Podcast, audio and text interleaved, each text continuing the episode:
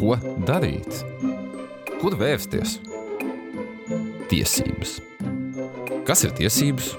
Kādas ir manas tiesības? Tiesības zināt. Laipni lūgti Delfi TV raidījumā Tiesības zināt. Esmu tā vadītājs Kārlis Sarājs.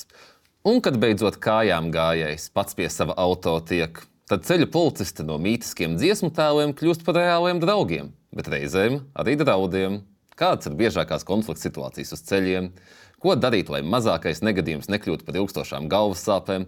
Par šiem un citiem jautājumiem šodien studijā sarunāšos ar valsts policijas satiksmes drošības pārvaldi, pārvaldes priekšnieku Juriju Jančevski. Sveiki! Sveiki. Nu, Es ikdienā rakstu par kriminālu ziņām un policijas darbu, un katru rītu atveru valsts policijas to ikrīt statistiku. Un tur ir nu, ļoti liels skaits ar protokoliem, kas ir sastādīti par agresīvu braukšanu. Varbūt varat pastāstīt, kas īsti ir šī agresīvā braukšana, kurš šķiet nu, Latvijā diezgan izplatīta. Jā, viņa brīžiem ir izplatīta un brīžiem ir izplatītāka. Un jo viņiem koncentrēt, koncentrētāk pievērš uzmanību, jo šo pārkāpēju skaits pieaug. Bet, uh, Laikam tā klasiskā agresīvā braukšana izpaužās ar to, ka tiek vienlaicīgi tiek pārkāpti vairāki ceļu satiksmes noteikumi punkti. Tādā veidā vai nu tiek radīti traucējumi satiksmes plūsmai, vai tiek ignorētas citu transporta līdzekļu vadītāju intereses. Kā rezultātā tad šis pārkāpums ir kvalificējams kā agresīva braukšana. Papildus, kā agresīva braukšana kvalificējās šī te, it sevišķi ziemas apstākļos radītā no jauniešu vidus šī mākslīgi radītā sānslīde, apzināti radītā sānslīde. Driftošana. Tā saucamā driftošana, jā, un daudzi to nezina joprojām. Un, uh, It sevišķi vakarā vēlās stundās šos manevrus šie pārgalvīgie autovadītāji veids apļveida kustībās, rotācijas apļos, lielveikalu stāvvietās un tam līdzīgi. Domājot to, ka viņi nevienu neapdraud, bet faktiski viņi rada šo pārkāpumu, kas kvalificējās kā agresīva braukšana. Un, proti, vēl kā agresīva braukšana kvalificējās darbības, kas izpaužās ar apzinātu bremzēšanu, kas nav, kas nav paredzēta konkrētajā gadījumā, un arī braukšana uz aizmugurējā riteņa, motocikliem, mopēdiem. Tas par bremzēšanu tas ir tas arī tautas valodā breakcheck, nu, saucamais, kad vienkārši tieši priekšā apstājās, kā aizmugurējais bez mazas. Tas vairāk, jā, kad uh, uz ceļa rodās kaut kāda konflikta situācija, un kad kāds vēlas pārmācīt otru, un tad viņš apzināti piebrauc priekšā, rada šo traucējumu, imitējot šo bremzēšanu, un tad uh, faktiski tādā veidā arī šis te Eh, stils tiek pielīdzināts agresīvai braukšanai. Eh, par šo reiz jautāt, kas notiek, ja aizmugurējais šādā situācijā nepaspēja nobremzēt? Jo kā tā vispārējā zināmā ir tā, ka aizmugurējais ir vainīgs pie avārijas. Klasiski tas ir, jā, bet uh, ir bijuši gadījumi, kad uh, tiešām uh, šādos gadījumos ir, pie, ir bijuši pietiekami pierādījumi, kad uh, varēja kvalificēt šo te uh, priekšā braucošo transporta līdzekli kā agresīvo vadītāju, kurš bija bremzējis nepamatoti, tādā veidā radot šo te, izraisot šo sadursmi.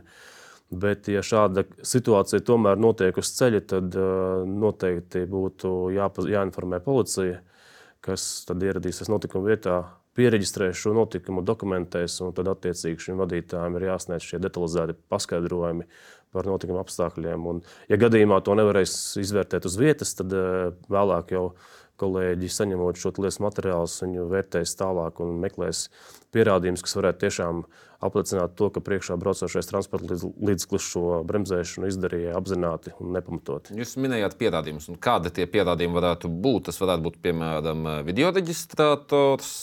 Jā, tas arī ir viens no pierādījumiem, un ļoti, ļoti pat daudzos gadījumos tikai pateicoties šim video reģistratoru ierakstam, uh, ir iespēja noskaidrot patieso negadījumu mehānismu un cēloni.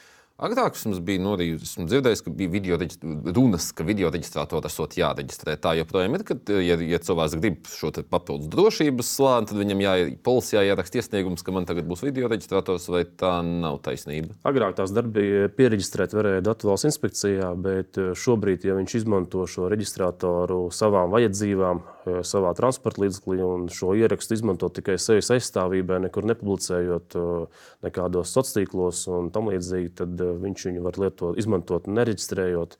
Ar mērķi šo ierakstu tikai izmantot gadījumos, kad tiešām ir nepieciešams savai aizstāvībai. Mm. Uh, atgriežoties pie parastās agresīvās braukšanas, ko darīt, ja es esmu satiksmes dalībnieks un redzu, man priekšā tur cilvēks, nezinu, sāns līdē pa labi, pa kreisi, nu, visos veidos brauc agresīvi. Man saukt policiju, mēģināt viņu apsturēt pašam, kas būtu tie pareizie soļi.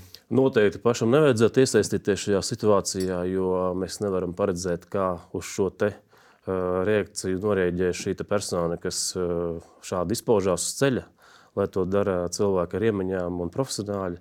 Protams, sākotnēji tiešām, ja šī situācija ir kritiska, tad vēlams par to informēt 110 tālāk un izmantot informēt valsts policiju. Atbildot uz šiem jautājumiem, ko uzdos policijas darbinieks, protams, kur tas bijis, kurā virzienā šī automašīna dodas. Tad arī policija rēģēt uz šo izsaukumu, nosūtīs tuvāko norīkojumu, lai pārtvertu un pārtrautu šīs darbības no šī vadītāja puses. Bet, ja es izsaucu policiju, man pašam arī būs jāapstājās, tur uh, jātērē savs laiks kā lieciniekam, vai arī es varu vienkārši izsaukt, noinformēt, ka tā ir un braukt uz uh, nezinu, savu darbu tālāk. Jūs noteikti painformējiet un varat turpināt uh, savu gaitu. Protams, ir gadījumi, kad šī pārkāpēja vietā ir acīm redzams dzērāja šoferis. Tad ir gadījumi, kad policija vienkārši lūdz kādu brīdi pasakot viņam līdzi, drošā attālumā, lai varētu painformēt šo te teiksim, braukšanas virzienu, lai, lai policijai būtu vieglāk viņu pārtvert un pārtraut viņa darbības. Jā, par dārza šoferiem man arī jautājums, ko darīt. Ja arī identiski redzu, ka priekšā mašīna nu, ir skaidrs, ka tas šoferis ticamākais ir kārtīgi uz krūts paņēmis. Arī vienkārši zvanīt policijai un sakot instrukcijām, vai tur jau tomēr dzīvības apdraudējums kaut ko vairāk vajag darīt? Tieši tāpat zvanīt, rīkoties pēc policijas norādījumiem. Un, uh, Var, var pie, pieminēt, ka šādi gadījumi ir pietiekoši daudz saņemti arī ikdienā no ceļu satiksmes dalībniekiem, ikdienas vadītājiem. Policija diezgan bieži ir rēģējusi un pārtvērusi un aizturējusi šo dzērēju šoferi. Mm -hmm. Un tagad, pieņemsim, ir notikusi neliela sadursme. Varbūt tas pats breakčeks minētais ir noticis. Nu, esam nedaudz saskrējušies. Kādiem būtu jābūt soļiem tagad uz ceļa? Esam šos, Rīgas Igulda šoseja, esam malā apstājušies. Ko darīt? Pie jebkuras sadursmes ir, divi, ir divi, divas atļautās darbības, tātad, ko mums paredz un atļauj ceļu satiksmes noteikumi. Tātad vai nu e, starp dalībniekiem tiek sastādīts šis saskaņotais paziņojums, ja visi apstākļi pieļauj to darīt. Vai nu par to jāinformē policija, kura tālāk dokumentē un reģistrē šo notikumu. Bet, ja nu man tas šoferis saka, es nevaru neko no tā rekurtēt, nezinu, es biju vainīgs, ņem, nezinu, 300 eiro, tikai nekādā gadījumā neko neiesaistīt, tad var tā darīt, vai tur tomēr es, labāk? Es noteikti neieteiktu tā rīkoties, jo arī ir atbildība paredzēta par to, ka notikuma vieta tiek atstāta. Atbildība ir diezgan nopietna, līdz pat vadītāja apliecības atņemšanai uz laiku.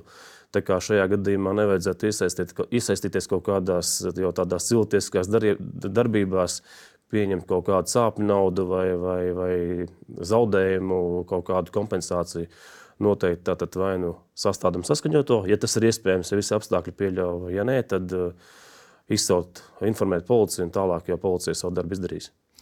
Un tas pats arī, ja es redzu, ka ceļu satiksmes negadījums noticis, kurā es neesmu iesaistīts, tad arī uzreiz, ja es redzu, ka cilvēki nu, varbūt nesauc, tad saukt policiju un gaidīt policiju vienkārši un nu, rīkoties atkal atbilstoši. Visu laiku ir Pirmais ir izsaukt, un tad sekot instrukcijām. Jā, tieši tā. Ja jūs esat liecinieks negadījumam, tad redzēt, ka tur šie dalībnieki nevar vienoties par notikuma apstākļiem, tad, protams, jūs varat vienam no dalībniekiem, kur jūs, kurš varbūt uztur jūsu viedokli, atstāt informāciju par sevi kā lieciniekam, un tālāk jau pie nepieciešamības policija sazināsies un skaidros apstākļus tālāk.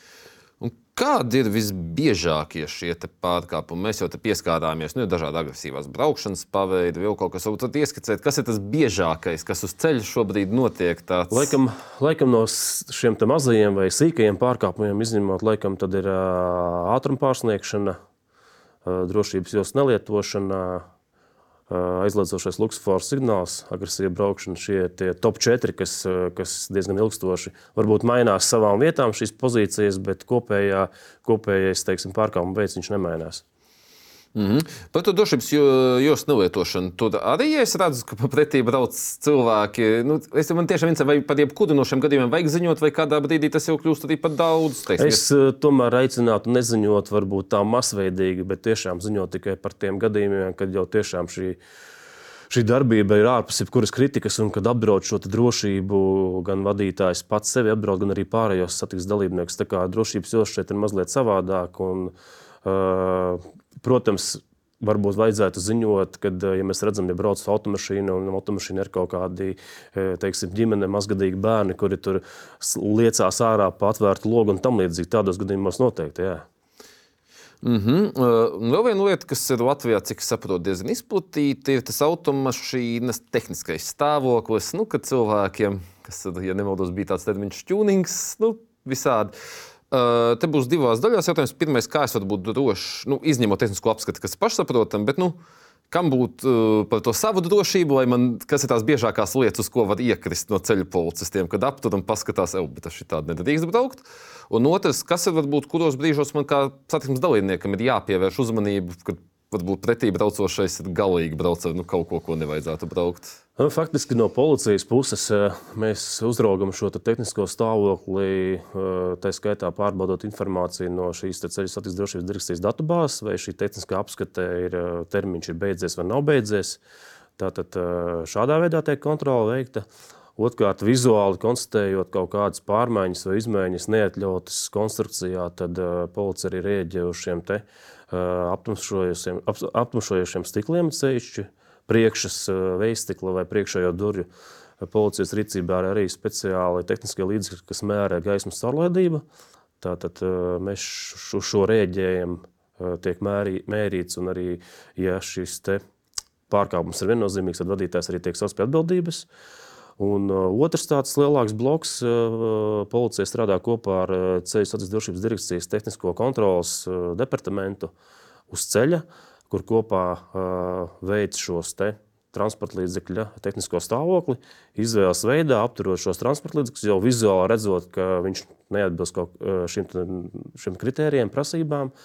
Un tur jau šī taina ir ļoti dažāda, sākot ar uh, izmaiņām uh, virsbūves konstrukcijā, ritošajā daļā, apgaismojumā un tam līdzīgi. Un, ja šie, šie apstākļi tiešām neatbilst šiem, te, šīm prasībām, tad uh, viņam uh, uz ceļa tiek arī kolēģi no CSD anulē šo tehnisko apskatu. Bet no cilvēkam ir piemēram pārāk bieza to neatstikla, tad uh, viss mašīna jāsauc, uh, tas, tad kas aizved prom un e, tālāk. Jā. Viņš turpināt kustību nedrīkst, vai nu viņš šo novērš uz vietas, šo elementu viņš pats atdala no šī stikla. Vai nu tad arī viņš, kā saka, sauc evakuātoru un turpina ceļu uz tuvāku autoservisu, lai novērš šos trūkumus. Mm -hmm. Un kas notiek, piemēram, esmu aizdevis savu mašīnu kādam paziņam, radam draugam, nu, viņš ir braucis, teiksim, pārsniedzis ātrumu, fotoradarā un sots atnāk man. Un es neko nezinu. Es tajā laikā atpūšos Havaju salās, piemēram. Jā, par tehniskajiem līdzekļiem ir tāda lieta, ka tie jūs pieminētais piemērs par ātrumu pārsniegšanu ar fotoradariem, tad ar fotoradaru tiek fiksēts pārkāpums. Visos gadījumos tiek piemērots šī panta sankcijas ietvaros minimālais naudas sots un tikai naudas sots un viņš tiek nosūtīts lēmums transporta līdzekļu īpašniekam. Neatkarīgi no tā, viņš ir braucis vai viņš nav braucis. Ja viņš saņem šādu lēmumu par ātrumu pārsniegšanu un nav braucis, tad viņam ir pilnas tiesības sniegt informāciju policijā, rakstot iesniegumu un norādot personu, kas ir vadījis, pievienojot arī šīs personas paskaidrojumu. Tādā veidā policija šo naudas sodu var pārnest uz šo konkrēto vadītāju. Aizsūtīt savu bildi ar sevi un teikt, tas taču neesmu es, man ir īsi mati bildē gadi vai otrādi. Ar bildi varbūt nebūs tik sarežģīti, bet biežāk varbūt ir, kad, kad tiešām viņi norāda, ka es nevadīju, vadīju cits cilvēks, kurš bija nodevis, kuram bija nodots lietošanā, un, un ļoti bieži arī, arī tiek papildus pievienot šim iesniegumam šī cilvēka paskaidrojums, ka viņš tiešām ir vadījis un uh, nenoliedz šo pārkāpumu. Vēl viena ļoti būtiska problēma, kas ir uz Latvijas ceļiem, tādiem žēl, ir braukšana reibumā. Un, um, Droši vien mēs būsim te visi viensprāts, ka vislabākais apjoms, ko iezēt pirms braukšanas, ir necik. Uh, bet tomēr ir jautājums, kā cilvēkam pašam izvērtēt, ja, teiksim, ir iepriekšējā vakarā pasēdēts. Nu, vakarā, protams, nav nekur braukt, bet no rīta vajadzētu tā kā nokļūt mājās. Kaut kāds alkometrus meklēt, ko darīt cilvēkam, lai viņš būtu drošs, ka nu, viņš ir drošs satiksmes dalībnieks. Droši vien, kā jau jūs minējāt, nebraukt vispār vai nelietot vispār, bet uh, par to alkohola lietošanu tur ļoti īpatnēji. Tas ir katram, katram organismam, viņš iedarbojās uh, individuāli. Mēs nevaram noteikt tādu recepti, cik daudz var. Kādā apjomā viņš var jautāju, kas ir tā metode? Nu, tad alkometru pirkt kādu Tas ir, ko? tā ir viena no iespējām, jo ir dažādas klases alkometri pieejami no, no amatieru līmeņa līdz profesionālajiem. Kad tiešām uh, var viņu iegādāties, un viņš būs kā tāds kontrols līdzeklis, lai sevi kontrolētu un savu stāvokli kontrolētu. Un otrkārt, jau vadītājiem ir pašam jājūt, vai viņš tiešām ir spējīgs uh, braukt, piedalīties satiksmē. vai nē. Protams, ir gadījumi, kad šī sajūta ir mānīga. Tad, kad uh, ka pārbaudot, Laukos ir stāsts par opi, kas saka, es tikai pēc uh, braucu, jā. bet, eh, bet ņemot vērā šī brīža atbildību, pat krimināla atbildību, es tomēr neieteiktu tā izmantot tādu iespēju un braukt un uzskatīt, ka viss ir, ka es jūtos labi un tādā ziņā. Jā, par to kriminālu, kriminālu atbildību gribēju jautāt, vai ir bijis kāds efekts tā, tāds sākotnēji šķiet, ka varētu būt kaut ko jau devis tas, ka nu, skatītājiem, klausītājiem var atgādināt, ka mums tagad ir spēkā grozījumi krimināla likumā, ka par braukšanu reibumā virs pusotras promilas tiek atņem, eh, iestājas krimināla atbildība un tiek konfiscēta automašīna, ja tā pieder, vai tiek piedzīta automašīnas vērtība, ja automašīna nepieder cilvēkam. Eh, Un tad, jā, gribēju jautāt, vai ir kaut kādi jau pirmie rezultāti tādi? Tā, tā pilnīgi objektīvi mēs vēl nevaram eh, tādu secinājumu izdarīt, jo salīdzinoši mazs laiks ir pagājis. Tikai, tikai šī atbil- atbildība stājās spēkā no 25. novembra. Bet mēs interesi pēc salīdzinājām šī gada janvāra statistiku ar iepriekšējā gada janvāra statistiku. Tad var teikt, ka ja janvāra mēnesī kopējais dzērāju šoferu aizturētājs skaits bija mazāks nekā iepriekšējā gadā. Vienīgais, varbūt tās bažas ir tādas, ka arī no šī brīža aizturētajiem šiem dzērāju šoferiem puse tā, ja kopējais skaits ir mazāks, tad puse joprojām ir ā, reibumā pusotras vai lielākā promiļu daudzumā. Un tas jau pusotru promili saprot, tas jau ir tāds reibums, ka nu, tur grūti paiet dažreiz. varbūt Arī. Tas arī tas ir ir in- individuāli. Protams, Tas ir bet nu individuāli, tā, ja jā, mēs tā- bet uh, te var atgādināt, ka, ja ir pusotrs un vairāk, tad automātiski iestājās krimināla atbildība. Un krimināla atbildība tas jau nozīmē nopietnākas. Pasakiet, varbūt to, atbild, eh, to atšķirību, kas ir starp to kriminālu atbildību un to, kas ir administratīva atbildība. Jo tas arī nu, tomēr varētu nezināt. Arī pie admi- administratīvās atbildības, protams, arī cilvēks uh, tiek gan pie naudas soda, gan arī pie vadītāja apliecības atņemšanas.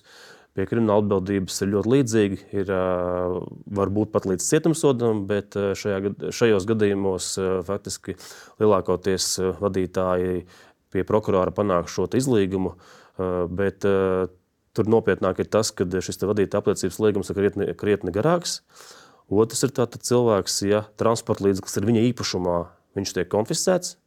Viņš zaudē savu transporta līdzekli. Ja šis transporta līdzeklis nav vadītāja īpašumā, tad eh, no viņa piedzima pilna vai daļēja vērtība.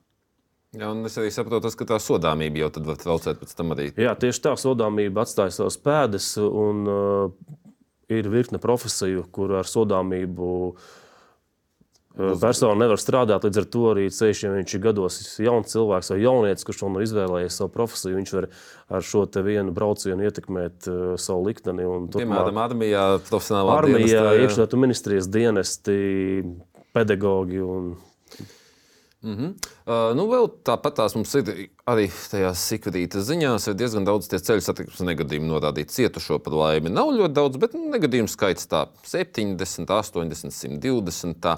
Kas ir biežākie cēloņi šiem ceļu satiksmes negadījumiem un pie viena arī, ko darīt, lai neiekļūtu tādos? Nu, droši, ka, ja mēs eh, skatāmies iepriekšējā nedēļā, kad bija šī masveida snikšana, tad valstī bija 250 negadījumi. Tas ir apmēram par eh, 150 negadījumiem vairāk kā ikdienā. Protams, eh, cēlonis ir šie apstākļi, eh, kas radīja šos gan slīdamību, gan arī nobraukšanu no ceļa. Protams, jāmainās līdzi eh, vadītājiem šiem apstākļiem. Jāmaina manieres, sevišķi, kad mainās eh, gada laika, kad mēs pārējām no vasaras laika uz ziemas un otrādāk. Tātad jāsako līdzi, jāmaina manieres, jo, jo, jo, jo- joprojām jau lielākais iemesls jau negadījumiem ir šis ātrums, ātrums un neuzmanība. Tā kā jāsako līdzi gan ceļa apstākļiem, gan meteoroloģiskiem apstākļiem. Uh, tad, tad visbiežāk tas būs ātrums. Tieši. Ātrums, neuzmanība, jā, Kā manevrēšana. ar telefonu lietošanu, tā arī Telefona lietošana noteikti arī, bet ir jāsaprot, ka telefona lietošana negadījuma laikā policijas darbinieks eh, nav blakus. Un eh, ļoti bieži tā, ka vadītāji jau teikt, aizkadrā atzīstās, ka eh, šis iemesls bija uh, telefona lietošana, bet, protams, kad viņš sniedz paskaidrojumu, jo rakstveidā viņš jau to neno, neno, nenorāda. Jā, jā, jā. Uh, mēs lēnām gadā arī tuvojamies raidījuma izskaņai, un te man tas vienmēr ir jautājums, varbūt jūs varat iedot tādu kā zelta padomu mūsu skatītājiem, klausītājiem, kas būtu nu, aptvert to drošību uz ceļa un ko darīt, lai visa saskarsme ar uh, valsts policiju būtu uh, uz ceļa tāda patīkama un tur nebūtu vajadzīgas asaras un lūkšanas. Es laikam gribētu, es aicinātu vēlētos tomēr vadītājus un visus dalībniekus ievērot visur un vienmēr šīs prasības pret satiksmes drošību, ne tikai tajos gadījumos, kad jūs redzat valsts policijas darbinieku vai fotoradaru, jo tādā veidā jūs gan cīnīsiet pats, pats sevi, gan arī apkārtējos. Un, jebkurā gadījumā, ja tā rīkosies visi, tad šādu negadījumu vai incidentu būs arvien mazāk. No šī gan es atvēršu līdzi tās formulas un pajautāšu vienu, jūs sakat, nu, ja viss ievērot, bet nu, mēs zinām, šosejām ir tas nerakstītais bieži princips, ja atļautais ātrums 90, visa līnija brauc uz 120. Kā tur tad ievērot to? Ka visi tā brauc vai braukt lēnām un riskē tieši avārijas situācijas. Es neicinātu papaļ, pakļauties šim masveida pūlim vai pūļu efektam, tomēr braukt pēc atļautajiem noteikumiem, ar atļautu braukšanas režīmu un tādā veidā. Uh, jo šis braukšanas ātrums būs maksimāli atļautais, jo tad sekas, sekas neiestāsies vispār, vai arī iestāsies, šīs sekas būs krietni ar mazākām sāpēm. Tad lasīt, eh, skatītāji, klausītāji, atceramies, nesaka, pūlim sakojam tik tālu, cik ievērojam noteikumus, bet nesakojam pūlim, ja tas lec lejā no tilta. Uh, teikšu jums paldies par sarunu. Cerēsim, ka visi paliek uz ceļiem, būsim droši. Un uh, jums, dārgie skatītāji, klausītāji, tiksimies jau pēc divām nedēļām. Un atcerieties, mums visiem ir tiesības zināt savas tiesības. Atā! thank you